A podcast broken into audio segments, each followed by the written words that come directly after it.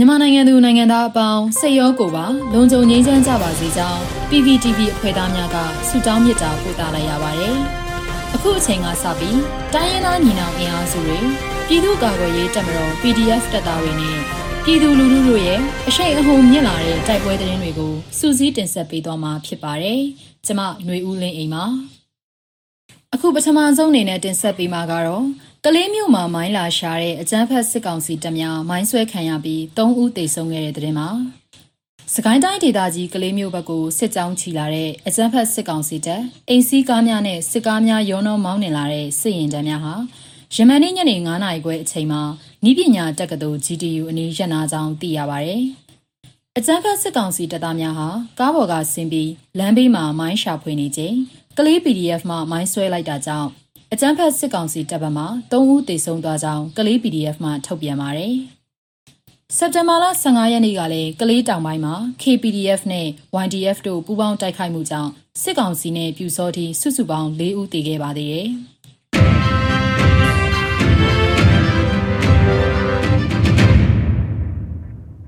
ဆက်လက်ပြီးတင်ဆက်ပေးမှာကတော့မွန်ပြည်နယ်ကာကွယ်ရေးတပ် MSDF ကိုဖွဲ့စည်းခဲ့တဲ့သတင်းဖြစ်ပါတယ်။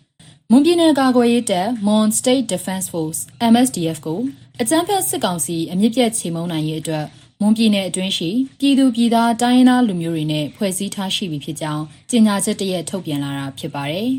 ။ဖွဲ့စည်းရတဲ့ရည်ရွယ်ချက်တွေကတော့အကြမ်းဖက်စစ်ကောင်စီနဲ့၎င်းရဲ့လက်အောက်ခံစစ်တပ်ရဲတပ်ဖွဲ့တို့မှပြည်သူလူထုအပေါ်မတရားတပ်ဖြတ်ခြင်းဖမ်းဆီးခြင်းညှဉ်းပန်းနှိပ်စက်ခြင်းတို့အားကာကွယ်တားဆီးရန် ပြည်သူလူထုအားဒုက္ခပေးနေတဲ့စစ်ကောင်စီရဲ့စစ်တပ်ဖွဲ့ဝင်တွေရဲတပ်ဖွဲ့ဝင်တွေနဲ့၎င်းစစ်ကောင်စီတို့ရဲ့ကာကွယ်ရေးအဆောက်အုံတွေအကြမ်းဖက်စစ်တပ်စခန်းတွေရဲစခန်းတွေကိုဥတီပြစ်မှတ်ထားတိုက်ခိုက်ရန်စစ်ကောင်စီရဲ့အုပ်ချုပ်ရေးရန်နေရာများအပီးတိုင်ချုပ်ငင်းရေးအတွက်တိုက်ခိုက်ဖြိုခွင်းသွားရန်စစ်ကောင်စီရဲ့ထိန်းချုပ်ကန့်သက်မှုအောက်မှာတာဝန်ထမ်းဆောင်နေရတဲ့ တပ်ဖွဲ့ဝင်များအား CDM လှုပ်ရှားမှုတွင်ပုံမပါဝင်လာစေရန်စီယုံဆောင်ရွက်ရေးနဲ့အကူအညီပေးရန်ဆီယနာရှင်စနစ်အားခြေမုံတိုက်ဖြတ်ရေးတွင်ပြည်သူလူထုတရက်လုံးပူးပေါင်းပါဝင်လာစေရေးစီယုံသွားရန်တို့ဖြစ်တယ်လို့ဖော်ပြထားတာတွေ့ရပါတယ်။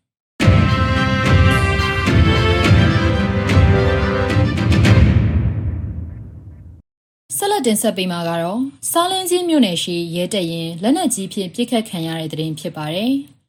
စကိုင်းတိုင်းဒေသကြီးရင်းမာပင်ခရိုင်စားလင်းကြီးမြို့နယ်ရှိအမှတ်26ရဲတပ်ရင်းကိုစက်တင်ဘာ15ရက်ညနေပိုင်းတွင်အမည်မသိအဖွဲ့ကလက်နက်ကြီးဖြင့်ပစ်ခတ်ခဲ့ကြောင်းဒေသခံတွေရဲ့ပြောပြချက်အရသိရပါဗျ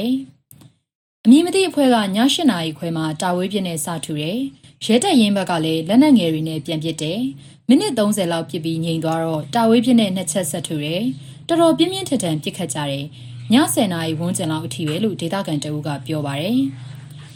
နှစ်ဖက်ထိခိုက်ပျက်စီးကြဆုံးမှုအခြေအနေကိုတော့မသိရသေးပါဘူး။ဒီနေ့မနက်ပိုင်းမှာတော့ရဲတပ်ရင်းတွေကိုရဲတပ်သားအင်အားထပ်မံတိုးချဲ့လာတယ်လို့ဒေသခံတအုပ်ကဆိုပါတယ်။စားလင်းကြီးမြို့နယ်ရှိအမှတ်26ရဲတပ်ရင်းဟာကျေးနီစီမံကိန်းမြန်မာယန်စီကုမ္ပဏီတည်ရှိရာကျေးစာကြရွာအနီးမှာတည်ရှိတာပါ။မကြသေးခင်ရပိုင်းအတွင်းကအဆိုပါရဲတပ်ရင်းမှာရဲတပ်သားနှုတ်ဟာပြည်သူရင်ဝင်ခိုလုံခဲ့တယ်လို့လည်းသိရပါဗျ။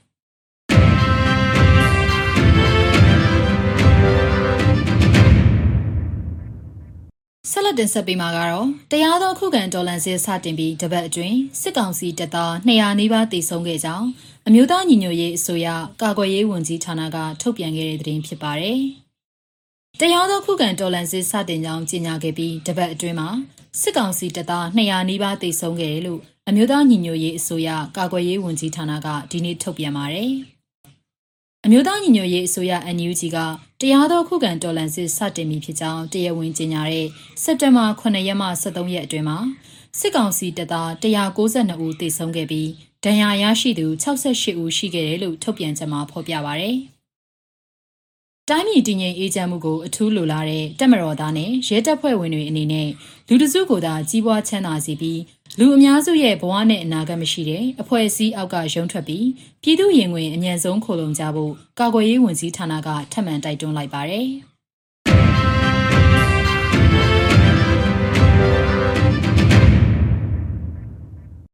နောက်နောက်ဆုံးအနေနဲ့တင်ဆက်ပေးမှာကတော့အမျိုးသားညီညွတ်ရေးအစိုးရပြည်ထရေးနဲ့လူဝင်မှုကြီးကြပ်ရေးဝန်ကြီးဌာနကထုတ်ပြန်တဲ့စက်တင်ဘာလ15ရက်နေ့ပြည်သူ့ခုခံတော်လှန်စစ်တရင်အချက်လက်တွေအကြောင်းပဲဖြစ်ပါတယ်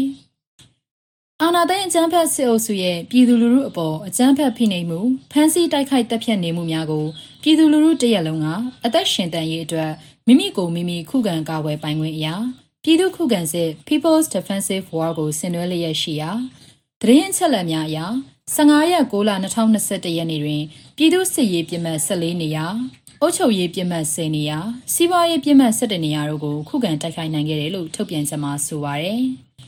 ဆီယနာရှင်စနစ်မြမအမျိုးပေါ်ကနေအပီးတိုင်ချုပ်ငင်းရေးနဲ့ Federal Democracy တိဆောက်ရေးအတွက်ငြင်းချမ်းစွာဆန္ဒပြနေကြတဲ့လူလူတပိတ်တိုက်ပွဲတွေကလည်းတိုင်းဒေသကြီးတွေမှာဖြစ်ပွားပေါ်ပေါက်လျက်ရှိတယ်လို့ပါရှိပါရယ်မြေပြင်တွင်ယခုသတင်းအချက်လက်တွေထက်ပိုမိုဖြစ်ပွားနိုင်တယ်လို့လည်းရေးသားထားပါတယ်။ ရေတော်ဘုံအောင်ရမည်ရေတော်ဘုံအောင်ရမည်